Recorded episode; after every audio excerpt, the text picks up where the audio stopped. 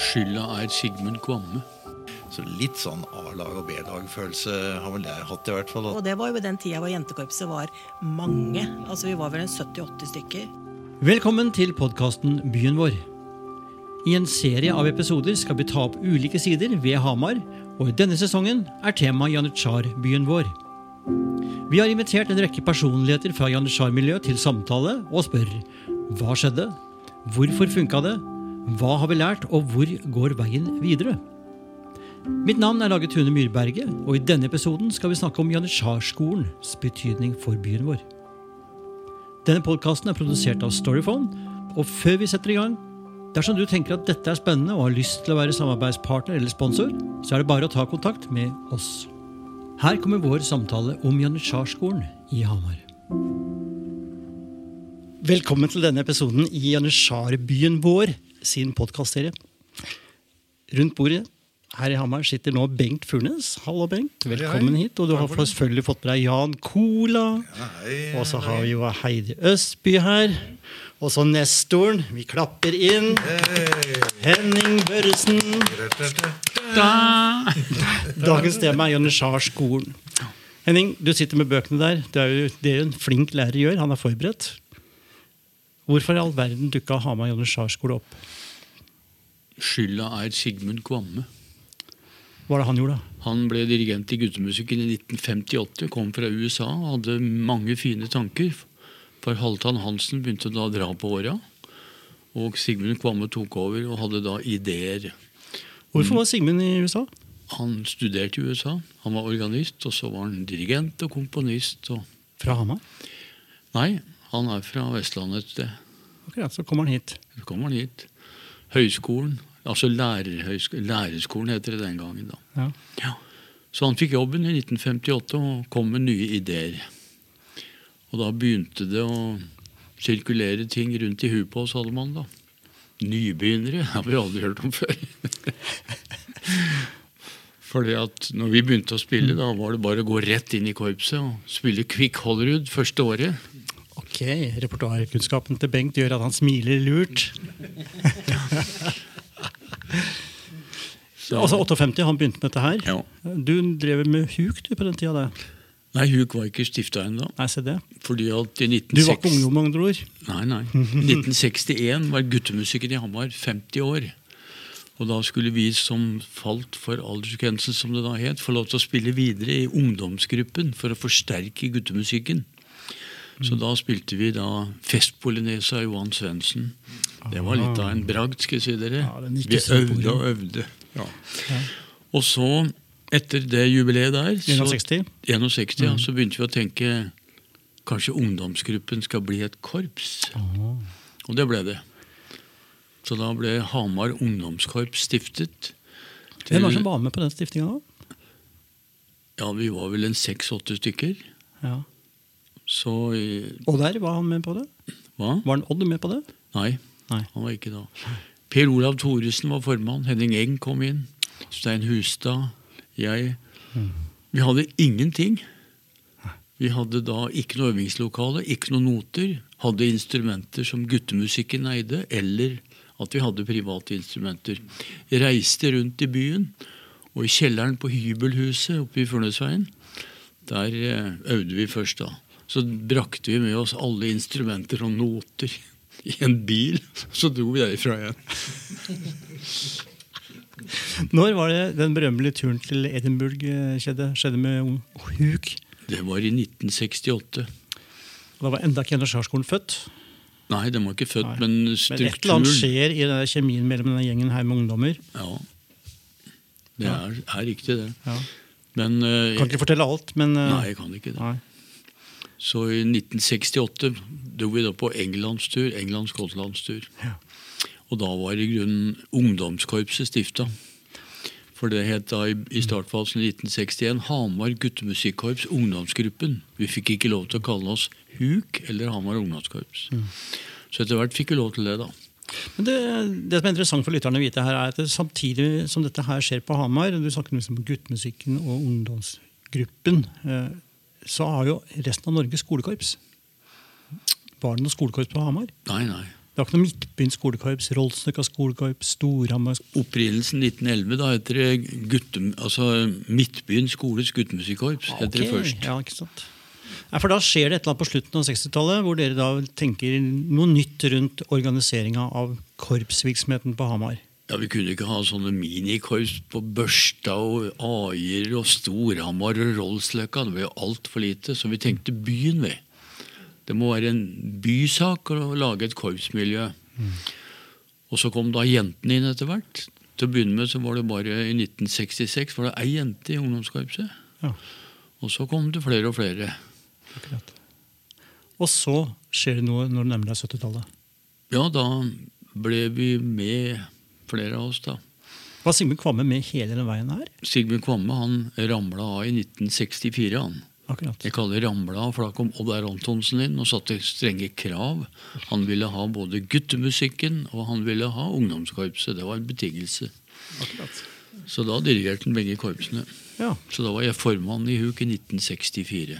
akkurat. Da ble jeg født. Ja, riktig. Ja, ja. ja. Det gikk ikke mange åra før vi møttes. Det tenk- tenkte jeg ikke på. Nei, det er for du har ikke skylda for det. Nei, nei. Mye annet du får skylda på. da. Ja, Jan, når er det du begynte å spille musikken? Nei, jeg begynte egentlig litt seint. Jeg. Eh, jeg vet ikke, jeg var litt treig, tror jeg. Men eh, jeg begynte vel sånn jeg var jeg kanskje ikke femte-sjette klasse, tror jeg. Eh, Ja. Hvilke årstall er det vi ja, om da? da snakker vi om altså, skal vi se eh, At jeg var kanskje 10-11 da, så da er vi 64-65. Ja, ikke sant? Ja. Ja, Og da ja, så gikk jeg jo guttemusikken. ja.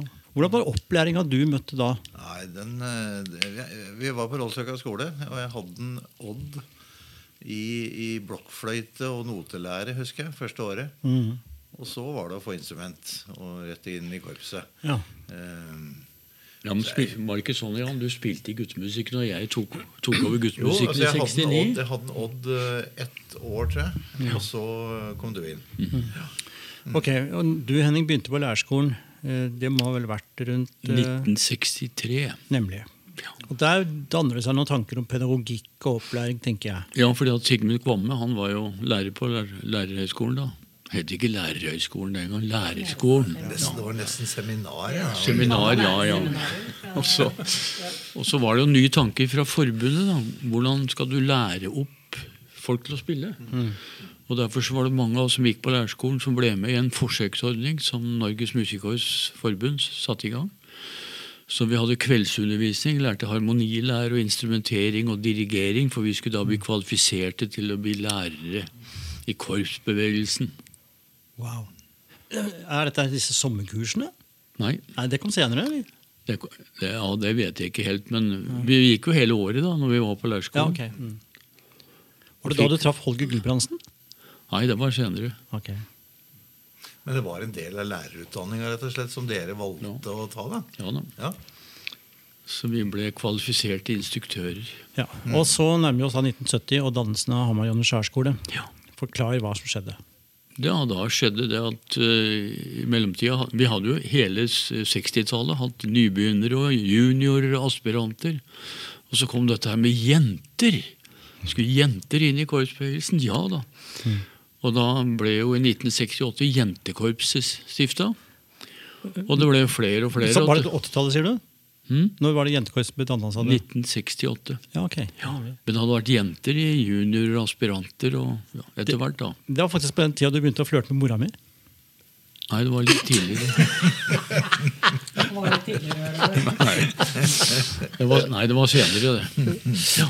Nei da, Så da kom jentene for fullt. Og det var jo rene sensasjon, denne Ånd Antonsen som starta med opplæring av klarinettister i huk. Bare jenter. Så det var en åtte-ti jenter som begynte å spille klarinett.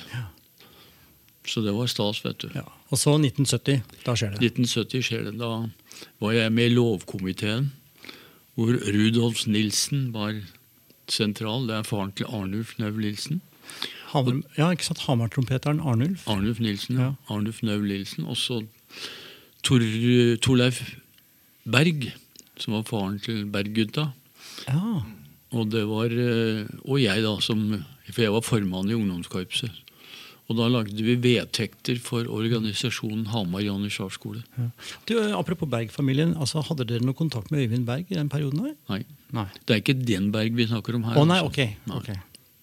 Nei, bare for lytteren, altså Øyvind Berg eh, var jo musikalsk leder i NRK fra 46 til 73, faktisk. Med. Kringkastingsorkesteret. Faren min var i slekt med Øyvind Berg. Ser dere det, eller? Nå er det musikalske. Ok, Så Janitsjarskolen blir altså etablert i 1970. Da ble Janitsjarskolen etablert. Ja. Var du med på det, dette, Jan?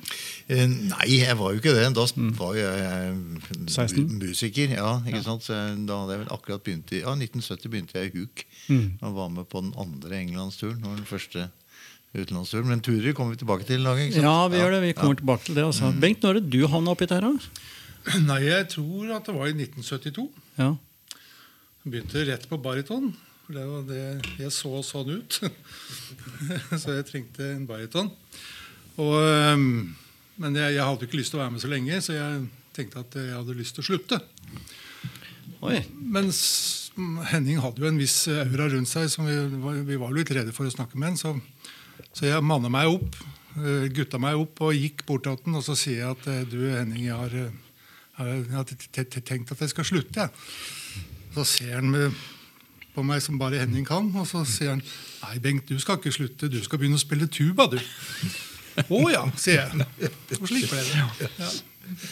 Og siden har han bare gått slag i slag. Ja.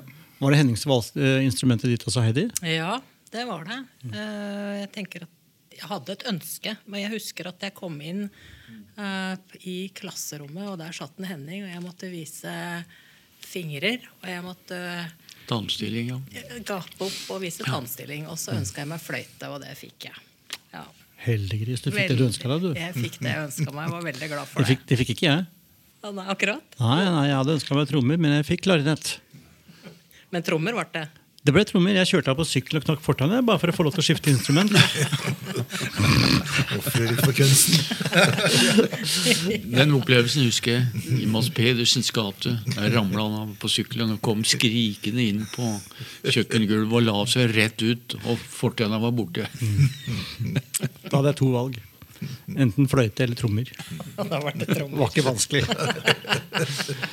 Nei, men Det som er, eh, det er mye artig historie, men Henning, det er akkurat den pedagogiske tilnærminga på opplæring, det, det har jo vært sentralt for Janitsjarskolen. Ja, og så er det dette her med Dette som sitter her nå, jeg har vært lærer i Janitsjarskolen. De hadde jo bare bakgrunn fra det å spille. Og så har det vært uglesett at de har brukt hukere gjennom hele perioden for å være lærere. For vi hadde jo ikke lærere her på Hamar. Og de eldre som spilte i musikkorps og jernbanen, de hadde mer enn nok med å spille der og jobb, og var ikke interessert i å gå ut og undervise. Så derfor så ble de eldste hukere, og som da ble sett på som kvalifiserte til å ta seg av alt dette her. De hadde jo null pedagogisk erfaring, men de, de, har, de sto som forbilde for mange av ungene. 'Herregud, så flink du er til å spille'. 'Jeg vil bli like flink som deg'. Det var en Dette- viktig del av min Unnskyld, Ja, bare sånn når du sier det, så tenker jeg at det var en viktig del av min reise i eh, Hamar Janitsjarskole. Å få begynne, begynne på instrumentet mitt, men etter hvert da, eh, få møte de yngre og være et forbilde og kunne undervise som huker. Eh, det, var, det tenker jeg tilbake på med stor glede. Og det var viktig. Det var status å være huker og Ja. instruktør. Ja. Og da møtte vi opp på rommet og fikk utbetalt etter timeliste i cash. Hvor mye var det du fikk? Nei, jeg husker det sa blå tira. Ja, Hva var hyra? jeg husker ikke. Det var ikke så veldig mye. 20 kroner timen, tror jeg det var. Det var mye. Ja, det var Starta med fem kroner i 1963 når vi hadde nybegynnerkurset på Børstad.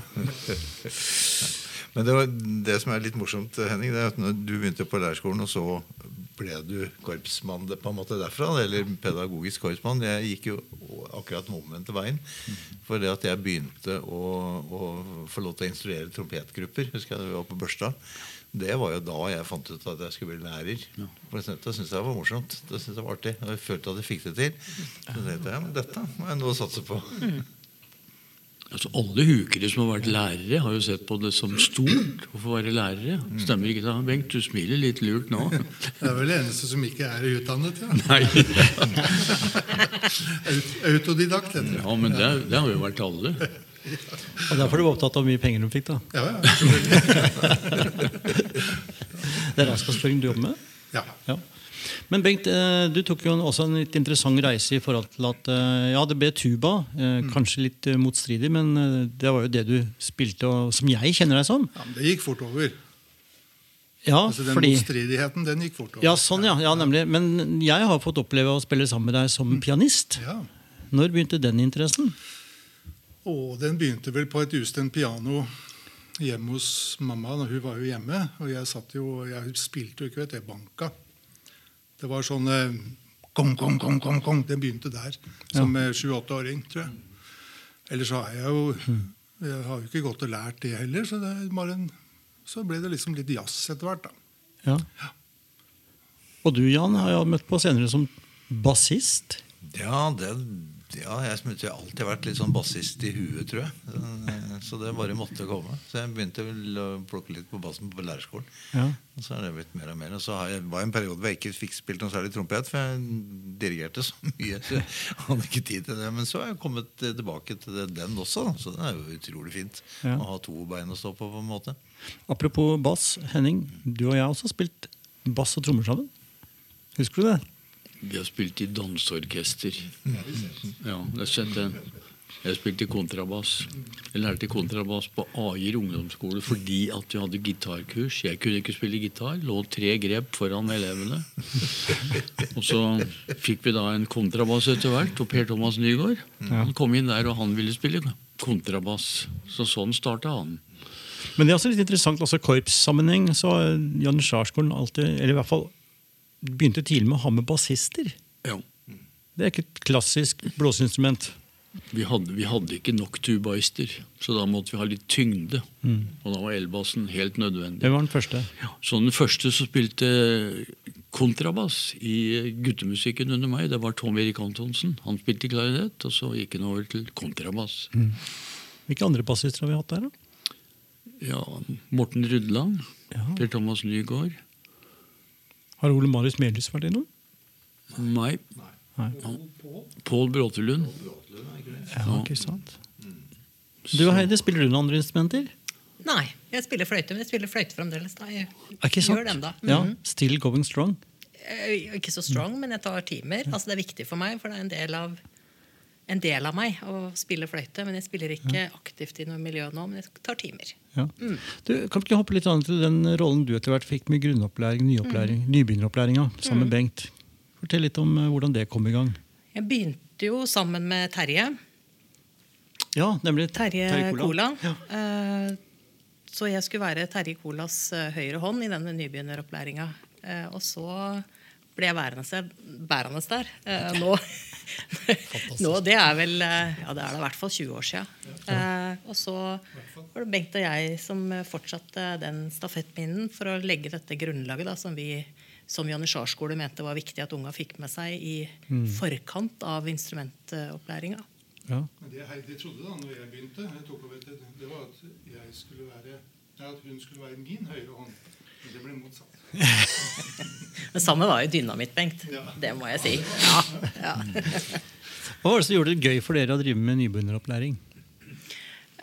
Eh, Det aller viktigste var jo å se denne musikkleden som eh, vi klarte å etablere sammen med disse barnegruppene. Det var jo nye barnegrupper fra år til år. Og det å få en eh, gjeng og kunne for det første bli kjent med dem, og ut ifra det og den gruppa som var der, da skape, skape noe sammen. Det, og at vi spilte så godt på lag. Mm. at du fulgte meg eh, i de krumspringa jeg tok, det var veldig moro. Når jeg tenker på det nå, så da skulle vi ha gjort mer av. Ja, ikke sant? Nei, og så er det jo en genuint eh, morsomt å jobbe med barn, Ja. rett og slett. Alt det umiddelbare og det vi måtte bare eh, Vi hadde liksom tre kvarter, og vi måtte bare liksom ta det som kom, men bygge noe ut av det. da, Sånn at du etter et par timer så kunne du hva er det pleide å si, du kunne komme på konsert med denne gruppa med blokkfløyte. Og du trengte ikke å elske en av de som framførte, for å synes at det var ok å høre på. Og det tenker jeg var en fin inngang. Det ble musikk av det med en gang. Det Det er en det. påstand. Ja. Det er artig. Jeg ser for meg liksom dere to som et radarpar med liksom tuba og pikkolofløyte. Ja. Vi hadde jo en idé en gang om at vi skulle lage et men stykke å ikke vi spille. spilt en duett, Nei, vi har ikke gjort det. Det er bare planlagt det. Kommer i år. kommer i år. Jan, det med dirigering som du etter hvert eh, begynte med, eh, hvordan kom det til? Eh, Nei, hva skal jeg si? Det, det var jo bare utvikla seg egentlig fra å være instruktør for trompeter, og så, og så fikk jeg storgrupper, tror jeg, og så begynte jeg vel med aspirantkorpset. Og dette var jo øh, før jeg gikk på, på lærerskolen. Og så, øh, ja, og så hadde jeg jo gikk jo musikklinja der, så jeg hadde kordireksjon. Ja. Og så ja, syntes jeg det var, var kjempemorsomt. Og så fikk jeg mer og mer ansvar. Og, ja, og der ble jeg i noen år. ja, mange år har det blitt? Nei, det 40 Jo, jeg vet når han Ja, begynte. det er sant. 1982 begynte Jan Cola i guttemusikken etter meg. Ja da, men før det hadde jeg jo hatt aspirant og juniorkorps i flere ja. runder. Men skikkelig, det tok Ja, da. av i 1982, for da ble du ordentlig stor dirigent. Ja, 1981 så hadde jeg jentekorps et år. Oh, ja, det også, ja. Vikar. Ja. Hva har det å dirigere lært deg? Oi. Ja, det er jo egentlig mye, tror jeg. Eh, Altså Musikalsk liksom, ja, altså, Når det gjelder det musikalske, så har det lært meg enormt mye. Eh, og det å håndtere ungdommer av alle slag og med alle ferdigheter og prøve å få dratt dette sammen, har vært veldig veldig lærerikt. Og så har jeg utvikla meg sjøl, fordi at jeg har, eh, jeg har ja, etter hvert begynte å arrangere ting og skrev, eh, lagde ting for korpset. For jeg syntes ofte det var litt vanskelig å, å finne stoff som passa til å kunne ha ja, Et år hadde vi jo ikke tuba, ikke sant? så vi måtte finne på noe, måtte gjøre noe sånt. Så det, Kunne du spille bass, da, kanskje? Eh, ja, jeg gjorde faktisk delvis det noe i noen sammenhenger. På noen sånne, sånne Hva har du vi kalte det? Sånne konserter over hus, nei, nei, sånne rekrutterings... Ja, vi lagde noen greier der. Så jeg har lært enormt av det. det og, og menneskelig forholde seg til unger. Og, så er det morsomt fordi jeg jobber i ungdomsskolen. Altså ha den gjengen som er hakket under. Så har jeg liksom fått hele, synes jeg har fått hele spekteret. Liksom. Ja. Mm. Eh, arrangering, sier du. Mm. Hva med å komponere? Ja da, jeg har, jeg har lagd en del ting. Spesielt i de der eh, Jeg hadde flere sånne og vi lagde ja, skuespill, egentlig. Som, hvor de fikk lov til å synge og fikk danse og fikk være skuespillere. Og så satte vi det inn i korpsgreier. Så jeg lagde en del ting til de forestillingene der. Ja. Så det har jeg gjort. Mm. Det er jo kjempemorsomt, men det tar mye tid, da. Mm. Ja. Bengt, har du også skrevet en del? Nei. Arrangert? Ja, det er fint lite. Ikke for korps. Nei. Det har ikke vært noe på den. Nei. Ikke du heller, Heidi? Nei, men du lagde jo Ja, flere snutter til den gjengen vår, mm. som jo, var, var blir jo- en annen greie, på en måte. ja, en annen fin greie. Ja, ja. Kan det der med å kjøpe notearrangementer og få tilgang til et stort repertoar passifisere den skapende musikeren? Det kan godt hende. Altså vi, og det kan jo være et ankepunkt mot korpsbevegelsen generelt. At vi ble veldig notefokusert. Og det merker jeg jo med meg sjøl. Så når jeg begynte å spille bass, og, og liksom begynte å spille i band på trompet også, og, og så var liksom gitarister og Spesielt gitarister. Spilte ingen toneart, hadde ikke noe å si. og Man kunne alt på øret, og jeg var jo lost hvis jeg ikke hadde noter foran meg. Mm. Så det kan nok hende at man Men samtidig så er det en litt annen prosess. da Får du noter, så deler du ut, og så kan du spille det kanskje etter en tre-fire øvelser. Skal du lage en sånn der greie uten noter og, ta, og være kreativ og gjøre ting, så, så ser jeg for meg at det vil ta mye mye lengre tid. da Og det kan være verdifullt. eh, Så kanskje man burde gjort litt begge deler. Det har ikke jeg vært flink nok til. Nei. For Dere har jo fått anledning til å komme, måte, komme vekk fra sin stol, sitt notstativ, sin stemme, sitt instrument, til å stå foran og organisere, styre, velge litt repertoar, påvirke, kanskje arrangere. og måtte begynne å forme litt mer. Men det å liksom gå til kjernen av å bare la en idé vokse ut og forplante seg blant 50 musikere som du står og dirigerer og Ja, Der tenker jeg særlig på Anders Ørbekk, hva han har betydd for miljøet på Hamar opp gjennom alle de åra med hans skaperkraft. ja, ja. Oh, ja, er. Mm. Men det å ha den evnen han har da, til å skrive Ja. fantastiske ting for uh, alt fra små ensembler til, til korps uh, Og så lett som han, i hvert fall tilsynelatende, gjorde det, det er jo bare altså det er jo, ja, bare å skrape i støvet. Ja, altså, Var det ikke han som skrev disse marsjene med tekst også, som vi brukte i gata? Jo, jo. Ja. Ja. da. Dette kjenner du til, Henning? Kjenner til noe av dette der, ja. Jeg fikk jo lurt Anders Hørbekk inn i Anders Jarskolen som instruktør, da. Han påstår enkelte ganger at han der, der kan aldri jeg klare å lære å få til å spille, da. Så han var jo ganske frustrert enkelte ganger. Han hadde jo temperament. Ja. Men det var gøy å liksom se på når, når Han fikk det til likevel. Sånn, Anders fikk veldig mange oppdrag å skrive ensembelnoter og korpsnoter. Og, og han skrev jo hele tida. Han hadde alt i huet. Så Rangerte jo helt fantastisk. Ja, virkelig. Ja. ja. Klang veldig godt. Tenk på hvordan han prega på en måte byen i hele den perioden med ja, jazz. Brasskvintetten. og etter brassjazz, ja. Ja. Og det er jo litt inne på det med også det at det kommer små ensembler ut av Janitsjar-miljøet.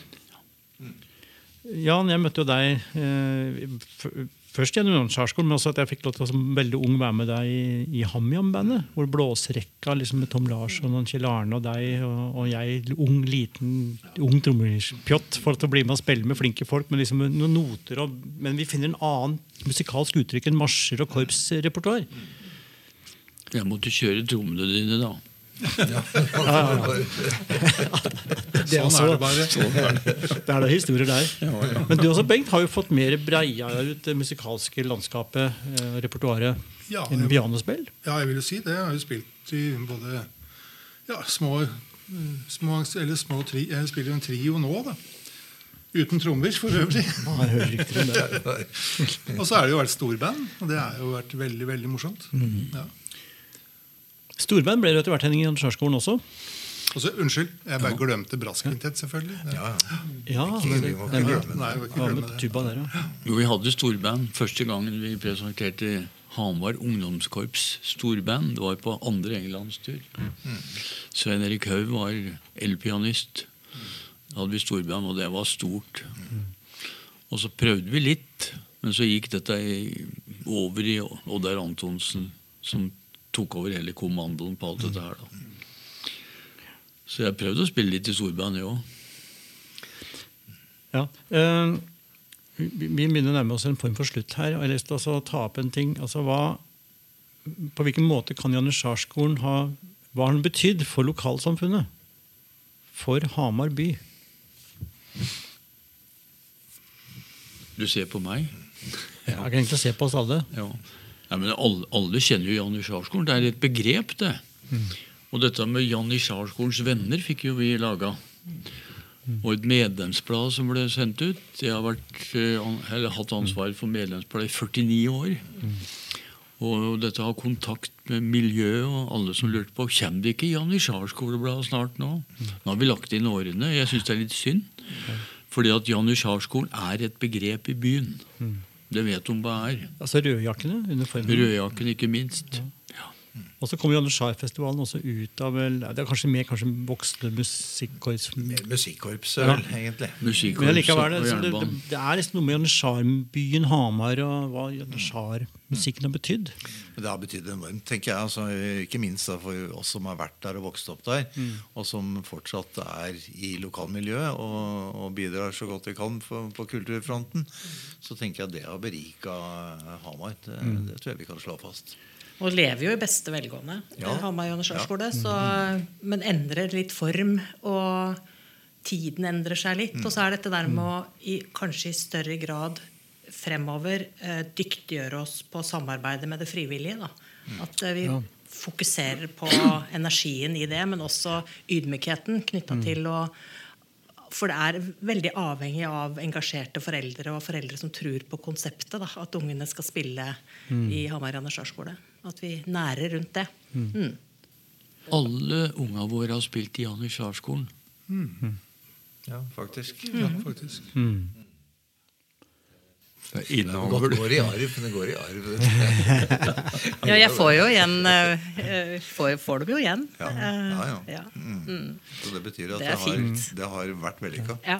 Men, men, men man fikk jo en overgang der. Høres som- Nå blir det ikke slutt allikevel, hører jeg. For at nå kommer dette med overgangen til kulturskolen. Og det å få et samarbeid mellom en velfungerende Janitsjar skole med et nasjonalt krav om at hver kommune skal ha et tilbud om kulturskole til opplæring. Var det smertefritt, eh, Henning? Ja, det må jeg si. Jeg synes jo da at eh, jeg skjønner at kulturskolen hadde begrensede ressurser. Det var jo bare ansatt én til å begynne med. Og da ble det fokusert på piano og strykeinstrumenter. Blåseinstrumenter var jo ikke på tale, for det tok korpsene seg av. Så dette her er at kom, hver kommune er pålagt å ha en kulturskole, det De skulle hatt mye mer penger. Men, men jeg tenker også på dette her altså, så Lærekreftene vi brukte, altså ja. ungdommen i Huk, mener jeg har hatt stor betydning. Både for dem sjøl og for hele miljøet i byen. Ja, det tror jeg er veldig viktig for det der samholdet mellom generasjonene som, blitt, som har oppstått gjennom alle tiåra i Janitsjarskolen. Med den opplæringsdelen. Som blir litt mer distansert når man kjøper en tjeneste fra kulturskole. Ja, tror det. Men, men, men det har jo ikke vært helt friksjonsfritt, eh, Henning. Vi må vel være så ærlige å si det. Og jeg tenker litt på akkurat det her at det ble som du sier da, at det ble poengtert. altså Strykere, piano, og så korpsa de, blåseinstrumentene ordner seg sjøl. Så litt sånn A-lag og B-lag-følelse har vel jeg hatt, i hvert fall. At vi har Ja, det har vært litt sånn. Det er klart, det. Det har jo det med finnkulturtenkingen også. som- Ja, på, på en måte så er det vel litt der. Vi har hatt noen diskusjoner med Ja, for Orkestermiljøet på Hamar, hvordan har det levd eh, parallelt med Anishar-skolen og Jo, det har jo vært, altså Vi starta jo en gang noe som heter Hamar orkesterskole. Mm. Men det kom aldri lenger enn til et års tid, tenker jeg. Ja. Og der var noe av eh, utgangspunktet Aier ungdomsskoles strykeorkester. Hvor Mikael Austad var lærer og lærte opp rundt 30 strykere. Og dette ga grunnlaget for mye av det som skjedde da. Men det ble likevel ikke noe samarbeid Med, med orkestermiljøet i forhold til korpsmiljøet. ja, det er ikke så lett å plante noen strykere opp i korps. Vet du. Det er bare å skrive noe arr, det. Men altså, når de trengte blåsere, så visste de jo hvor de skulle hente Da skulle Ja, de- ikke sant? Da var vi bra nok. Så tror jeg, tror jeg særlig at korpsbevegelsen også får veldig mye oppmerksomhet fordi de også er ute og spiller, marsjerer. Det gjør jo ikke strykeorkestrene på samme måte, så det skapes en litt annen kultur der. Ja. Mm. Apropos tur, eh, kultur, turer. Også hva samholdet skaper, altså med å ha alle disse utenlandsturene. Som du nevnte, to en turrenning med ungdomskorpset til England, og du var med på den andre, Jan. Mm. Var du med i det storbeinet òg? Nei, da Nei. var jeg nok litt for ung. Jeg var for fersk. nemlig. Bengt, hva er din favorittur med Janitsjarskolen? Som du kan fortelle om. Ja, det, Du jeg, kan si ikke alt, fortelle, Bengt. jeg kan ikke fortelle så mye om det, men det var veldig veldig stort å være i Polen med ungdomskorpset Mm. i 78, tror jeg. 78, ja. Og du Heidi? Jeg tenker på en tur Mekkesheim. I Tyskland. Ja, Heidelberg, jen- jentekorpset. jentekorpset. Og det var jo den tida hvor jentekorpset var mange. Altså Vi var vel en 70-80 stykker. Det var uh, veldig Ja, det var veldig mange. Det var flott. Og du, du og Jan, hva er favoritten? Nei, så, som, som menig medlem så kanskje Polen for meg også. Det var den siste turen min. Men som dirigent ja, så vi har hatt noen veldig fine turer til Scarborough eh, ja. Hvor det var passe stort og Ja. Eh, ja, det, det var veldig fine turer, men det er, mange. Vans, Vanskelig å velge, egentlig. Henning, du har sikkert vært med på mange turer. Det er så mange, så jeg vet ikke hvor jeg skal begynne. Første turen skjedde jo i 1954. Som tiåring så ble jeg da sendt av foreldrene mine. Og vær så god, bli med. Og det var da tur fra Oslo og hele kysten rundt til Bergen og toget hjem igjen. 14 dager. Tøft, altså. Ja, det er solid. Det krever sin reiseleder. Det skal jeg si deg. Husk, var du med på den turen til Oberstol, Henning? Ja da. Da var jeg Den, den husker jeg veldig godt. Ja da, jeg, vi var så tett på grensa mellom Øst- og Vest-Tyskland. ja? Ja. Riktig. Jeg var innkvartert hos eh, familien Øverland. Ja. Og du, eller medlemmene skulle jo bo privat. Og de visste jo ikke hva godt de skulle gjøre. Du husker jo hvem du bodde hos? Ja, jeg husker jo hun jenta der het. Ja, Hva het hun? Silke Pumpe. Familien Pumpe. Ja. Vi bodde hos noen som eh, skulle servere brød til oss. Skar opp brød, og ut av brødet så krabla ei flue. Så det var, ikke- vi ble ikke så mette på den turen.